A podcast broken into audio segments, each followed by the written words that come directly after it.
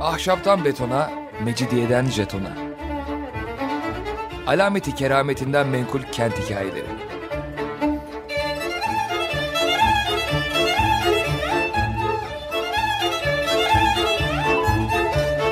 Hazırlayan ve sunan Pınar Erkan.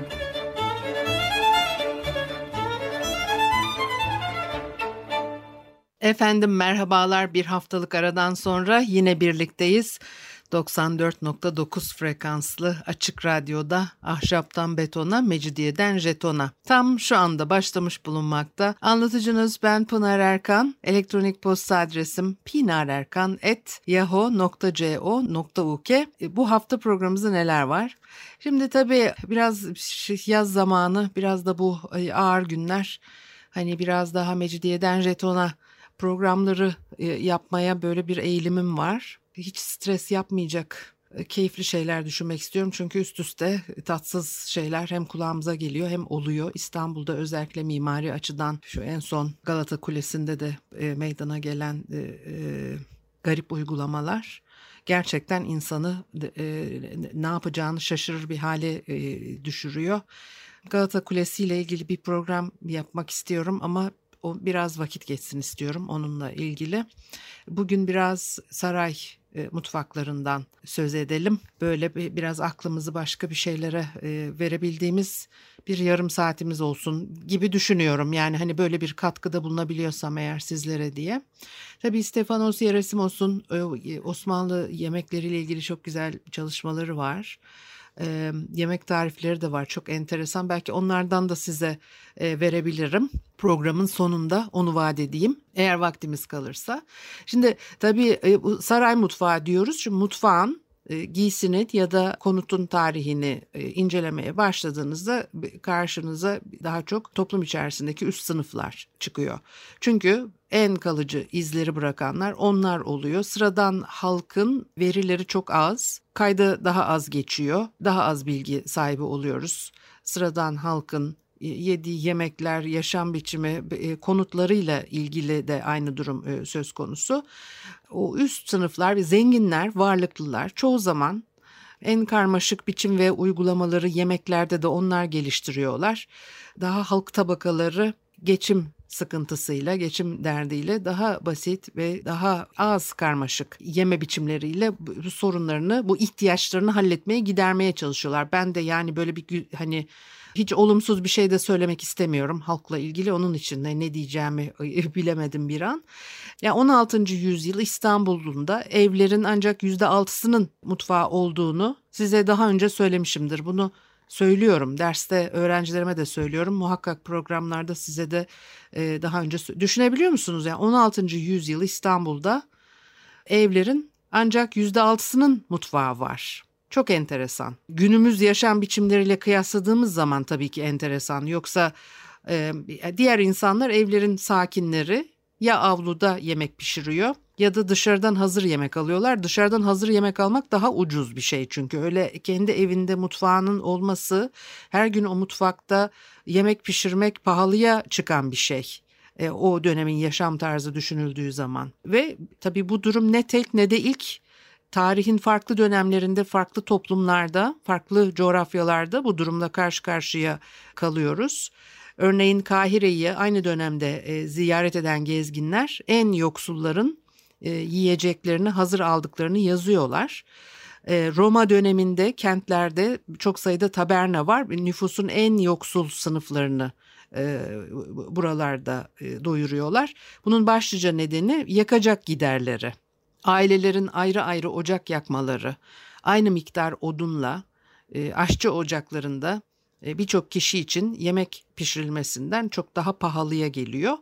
Böylece sabit ya da seyyar aşçıdan alınan yiyecekler daha ucuza çıkmış oluyor. Her halükarda elde edilebilen belgeler genellikle sarayla ilgili özellikle Osmanlı e, Devleti için e, bu durum söz konusu halkın yiyecek tüketimi ve alışkanlıkları hakkındaki bilgiler imaret e, muhasebeleri ya da ihtisap kanunnameleriyle sınırlı kalıyor. Zaten e, Osmanlı döneminde çok belge var çok gerçekten e, e, çok belge var ama bunların içerisinde mesela yemek tarifi yok. E, hangi malzemeler alınmış? Yemek tariflerine de e, ulaşılmış ama hani baktığınız zaman genel olarak devlet arşivlerindeki belgelerde ne kadar miktar, hangi sebze, hangi meyve, ihtiyaca göre mutfakla ilgili ne alınmış bunların hepsi listelenmiş ama hani baktığınız zaman bir e, yemek e, tarifi gibi hani daha ne yendiğini anlatan e, ne tür yemekler yapıldığını anlatan bilgilere ulaşmak biraz daha zorlu. Bir saray aslında karmaşık bir yapıya sahip. Merkezde Topkapı Sarayı var.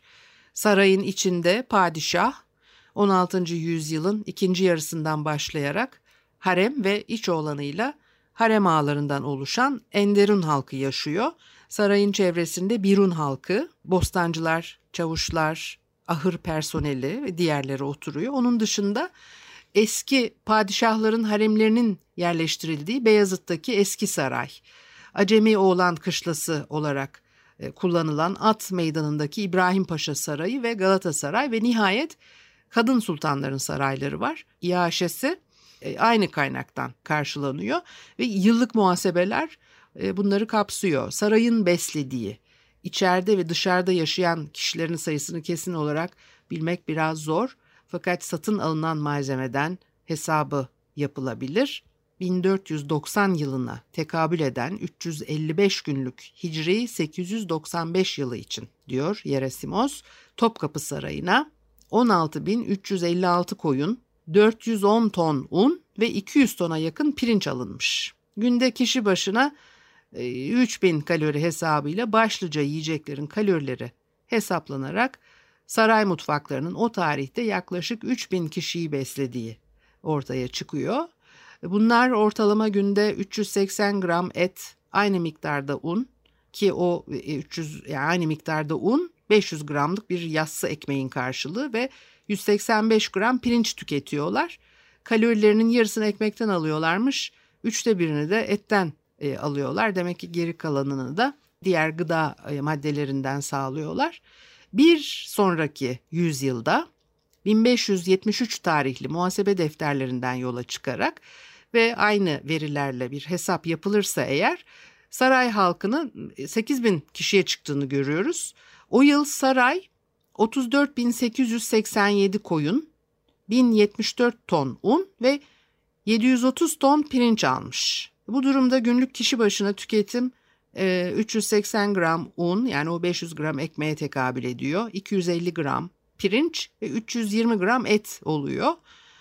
E, bu iki tarih arasında e, harem Topkapı'ya yerleşmişti. Sayı artışının sebebi büyük oranda bu olmalı. 100 yıl sonra 1660'ta saray halkı ya da Saray tarafından iaşesi karşılanan kişiler 11 bine varmış. Bunlar toplam olarak günde 1 ton pirinç ve 3,5 ton et tüketiyorlar. Aynı tarihte saray yılda 199 bin tavuk satın almış. Yani her gün sarayda 560 tavuk kesilip yemek yapılıyor. Bu sayılardaki artış saray mutfaklarının konumunu, boyutunu etkilememişe benziyor. Gerçi mutfak bölümü 1574 yangınından sonra Mimar Sinan tarafından yeniden yapılmıştı fakat e, en güneydeki yani 3. avlu duvarından en uzak olan iki bölümün e, yangından kurtulmuş Fatih yapısı olması bu Sinan'ın mimari özelliklere pek fazla dokunmadığı, değişikliğe gitmediği gibi yeni bölümlerde de pek ekleme yapmadığını gösteriyor. Sadece bir iki metreye yakın bir yerde bir genişleme durumu söz konusu ama onun da mutfak yapısı mı yoksa oradaki ek binalardan bir tanesi mi olduğu çok belli değil e, kayıtlara bakıldığı zaman. Saray mutfakları birbirinin aynı 10 bölümden meydana geliyor. Güneyden başlarsak Hassa yani padişahın kişisel mutfağı, valide sultan mutfağı, Hasekiler, diğer kadınlar mutfağı, kapı ağası mutfağı, Divanı Humayun mutfağı, Ender'in ağaları mutfağı ve erkek ve kadın e, hizmetkarların ve divan e, memurlarının mutfağı sıralanıyor. Birbiriyle bağlantılı son iki bölmede de şekerciler var. Böylece sarayın tüm yiyecekleri aynı yerde hazırlanıp pişiriliyor. Sonra sarayın çeşitli dairelerine e, götürülüyorlar. E, dağıtılıyorlar. Nereye de e, kime ikram edilecekse. Hizmetkarlar yemekleri hareme kadar götürüp kara ağalara teslim ediyorlar. Has odanın ve kiler koğuşunun bir kısım iç olanları ise padişahın sofrasına memur edilmiş. Bu dönemde sarayda bu yemeklerin nasıl yendiğiyle ilgili çok az bilgi var elimizde. Onun da nedenlerini açıklayacağım birazdan. Bir müzik arası verelim ondan sonra devam edelim. Efendim Açık Radyo'da Ahşaptan Betona, Mecidiyeden Jeton'a devam ediyor. Haliyle Pınar Erkan'ı dinlemektesiniz ve saray mutfaklarında 15. 16. yüzyılda yapılan harcamalar, ne kadar un, et, pirinç e, alınmış ve bunların kullanımı nasılmış biraz onlardan söz ettik ilk bölümde. Şimdi tabii bir de e, sarayda nasıl sultanlar ve padişah nasıl yemek yiyor bunu çok bilmiyoruz e, dedik. Bir tanık var 1433 Mart ayında Edirne'yi Burgonya Düşesi ziyaret ediyor ve onun baş çeşnigiri bir Osmanlı padişahının yemeğine tanık olmuş anlatan tek kişi. İkinci Murat Milano Dükası'nın elçisi, bir Bosna prensi ve birkaç eflak e, asilzadesiyle birlikte sofraya oturmuş ve şöyle anlatıyor ve hükümdar yerine gelip oturmadan ortaya yüz kadar büyük kalaylı sahan getirmişlerdi. Her birinde bir parça koyun ve pirinç vardı. Sonra hükümdar yerine oturdu ve oturduktan sonra ona yemek getirildi. Önüne ipek bir bez serildi. Ondan sonra Sofra örtüsü yerine lal renginde, daire biçiminde yumuşak deriden bir örtü serdiler. Çünkü adet yalnızca böyle deri örtü üstünde yemesidir. Arkasından ona iki büyük altın kaplı sahanda etler getirdiler ve bunlardan alır almaz hizmetkarlar e, diğer sahanları da getirdiler. Orada oturanlara ikram ettiler. Yani her dört kişiye bir sahan düştü ve içinde duru pirinç ile bir koyun parçası vardı. Yanında da ne ekmek ne de içecek vardı diyor. Bu 2. Murat zamanında onun oğlu e, Fatih Sultan Mehmet İstanbul'u biliyorsunuz 1453'te alıyor. Sonra da 1460 ila işte 1470 yıllarından Topkapı Sarayı'nın inşaatına başlıyor. Aynı zamanda saray ve devlet düzenini saptayan kanunnamesini de yayınlamıştır.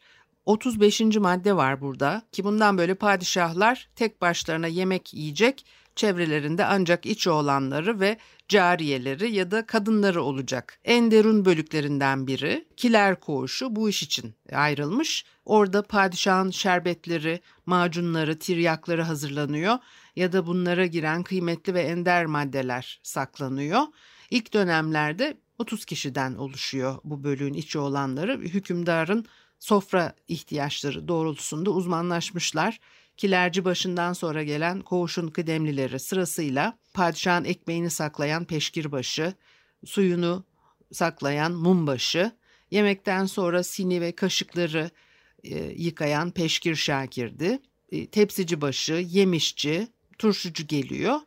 E, padişahın eline su döken ve ellerini silen peşkir ağası ve ibrikdar has odanın başlıca e, öğelerinden ve has oda denilen padişah dairesinde yatıp kalkıyorlar.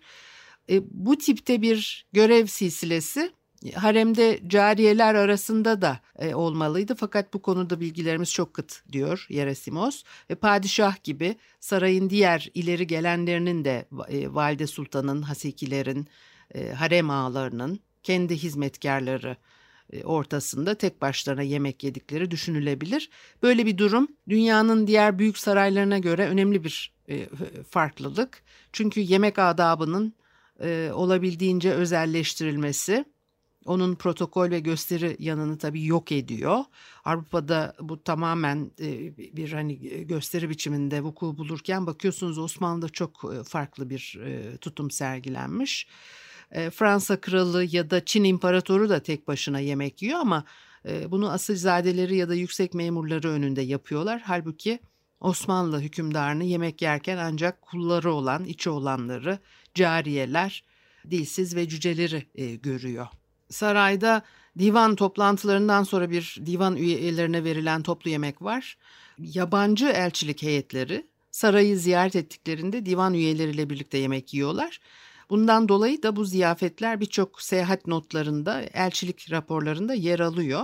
En eski tanık Haziran 1533'te saraya gelen Avusturya Arşidükü Ferdinand'ın elçisi. Diyor ki paşaları kralın biraderleri ve dostları olarak selamladıktan sonra orta yere bir iskemle getirip üzerine küçük bir masa biçiminde ortası ve kenarları çıkıntılı büyük gümüş bir sini yerleştirdiler. Ekmek getirip herkesin önüne adı geçen sininin üstüne koydular. Ondan sonra paşaların göğüslerini rengarenk ipek bir kumaşla örttüler. Bir tanesiyle de bizi örttüler. Arkasından İbrahim'e, sonra Ayaz'a, o zaman işte büyükelçisine en sonunda e, bana yıkanmamız için su döktüler. Almanya'da balıkla birlikte yemek için içine sirke koyduğumuz kaplara benzer küçük yuvarlak çanaklar getirdiler. Bunların içinde sirkeli hıyar turşusu ya da gül yaprağı reçeli vardı. Her birimize küçük bir peçete, her iki kişiye bir bıçak ve herkese birer tahta kaşık verdiler. Bunun üzerine İbrahim Paşa bize Türklerin tahtadan başka kaşık kullanmadıklarını söyledi. Ondan sonra parçaları ayrılmış soğuk tavuk etiyle dolu bir tabak getirdiler. İbrahim Paşa yememiz için işaret verdi. İştahın fazla olmamasına karşın sözünü dinledim. Bu tabağı kaldırdıktan sonra çeşitli kuşlarla dolu bir ikincisini getirdiler. Sonra bütün piliçlerle dolu bir başkasını, ve bir tabağa her getirdiklerinde bir öncekini kaldırıyorlardı. Sonra nar suyuyla pişirilmiş limonlu bir pilav getirdiler. Sonra şekerli yemekler ve daha birçoklarını. Ondan sonra da gümüş bir tabağın üstüne konmuş yeşim bir sürahi içinde İbrahim Paşa'ya içecek getirdiler. O içerken paşalar ve biz yerimizden kalkmadık. Sonra paşalara ve bize içecek getirdiler. Gümüş tabaklar üzerine konmuş gümüş kadehlerde adına şerbet denilen tatlı bir su. Bu şerbet hep çok ilgi çekiyor Batılılar tarafından. Ekşi ve tatlı yani girişlerin ikram edildiği bir yemek. Tavuk ve pilav e, makbul sayılan e, yemekler olarak görülüyor. E, içecek yemekten sonra e, geliyor. Yine Ağustos 1544'te saraya e, kabul edilen Fransız elçisi ve onun yanında bulunan Antibesli bir rahip elçilerin mahiyetinde e, ikram edilen yemeğe katılıyorlar. O da şöyle anlatıyor. Önce meydanla aynı düzeyde olan kapıların birinden bizdeki metrodotellerin karşılığı olması gereken bir Türk çıktı. Altın işlemeli yeşil kadife kumaşlar giyinmişti ve elinde bir değnek vardı. Arkasından iki Türk onu izliyordu. Biri elinde 15-16 karış uzunluğunda çok güzel tüylü bir halı taşıyordu. İkincisi çok güzel, uzun ve geniş pamuklu bezden bir sofra örtüsü ve bu örtüye benzeyen ancak daha az geniş bir çevre örtüsü getiriyordu. Halıyı taşıyan onu boylu boyunca yere serdi. İkincisi halının üstüne sofra örtüsünü serdi ve çevre örtüsünü etrafına yerleştirdi. Onları kabartmalı siyah harili cepkenler giyen iki Türk daha izledi. Birisi gayet beyaz poğaçalarla dolu bir sepet taşıyordu ve bir elinde bir demet çok güzel tahta kaşık vardı. Poğaçaları ve kaşıkları örtünün üstünde sırayla dizdi. Bu poğaça kelimesi ne güzel değil mi? Böyle poğaça derken bile insan böyle pof pof böyle insanın hoşuna gidiyor. Arkadan görkemli ipekler giymiş. İki Türk daha geliyormuş. Biri 10 litreyi alacak büyüklükte bir kavanoz taşıyor. İçinde şeker, armut, diğer meyvelerle karıştırılmış bir su var. E, çok iyi, içimi çok güzel ve insanı doyuran bir şey. İkincisinin ellerinde iki tane çok güzel pişmiş topraktan çanak. E, pizza ya da e, Mantolda'dan e, gelenlere benziyor. Arkalarından ikişer ikişer dallı kemhalar giymiş, bellerine altın kemerler takmış 14 genç geliyordu. Saçları alınları hizasında kesilmişti. Provence kadınları gibi başlarına da ucu sivri çok güzel sarı bir külah e, geçirmişlerdi. İlk ikisinin elinde iki tane pişmiş sarı pirinç tabağı ve iki tane erişte gibi uzun, susuz beyaz pirinç tabağı vardı. Onları izleyen ikilinin her birinin elinde iki tabak. E, içinde tavuk parçaları, irmik, e, bir diğer ikisinde de şekerli börekler vardı. Diğer ikisi herhalde e, baklavayı kastediyor olsa gerek. Bilmiyorum o zamanlara kadar gidiyor mu baklavanın geçmişi. İkişer ikişer tabak kızarmış tavuk parçaları taşıyorlar e, keklik, bıldırcın tabakları da var. Ondan sonra en son gelenlerin elinde de şekere yatırılmış fıstıkla dolu ikişer tabak. Bütün bu tabaklar anında sofranın üstüne kondu. Asilzadeleri sofranın çevresine Türk usulü yerleştirdiler. Kimi diz çöktü, kimi yere oturdu. Herkes nasıl yapabildiyse. İçmek istediğimizde elinde şekerli su kavanozunu ve çanakları tutan herkese dolu birer çanak veriyordu ama daha fazla değil. Ondan sonra bir de bu yemekleri de yani tabii ayrıntılar var oldukça. Ee, yemek tariflerinde karşılaştığımız o tuzlu tatlı karışımı belli ki e, son derece geçerli bir e, yöntem. E, bizim bugün pek e, kullanmadığımız ancak kişisel ter tercihler tabii öne geliyor. O sofra düzeninde yemekler arka arkaya geliyor ama biri tatıldıktan sonra alınıp arkadan e, diğeri geliyor. Herhalde hem bir bestede olduğu gibi bir ahenk bir tat silsilesi izleniyor hem de davetlilerin e, belki de görgüsü deneniyor. Çünkü sıradan biri ilk yemeklere yüklenerek tıkanacak, ziyafetin arkasını getiremeyecek. Şimdi ben size yemek tarifi vaat etmiştim ama bu vaadimi ay bir program daha mı yapsak haftaya bari o zaman çünkü vaadim, vaat ettim vaadimi yerine getiremiyorum bir program daha yapalım gene bu yemeklerle ilgili. O zaman aklımda muhteşem güzel bir yemek tarifi var. Onu size vermem lazım. Haftaya görüşene kadar hoşça kalın.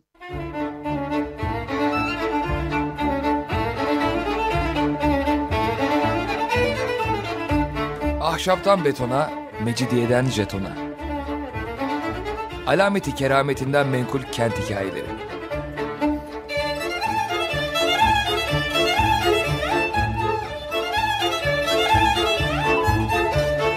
Hazırlayan ve sunan Pınar Erkan.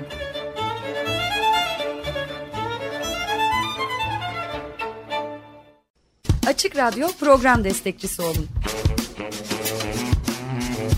Bir veya daha fazla programa destek olmak için 212 alan koduyla 343 41 41.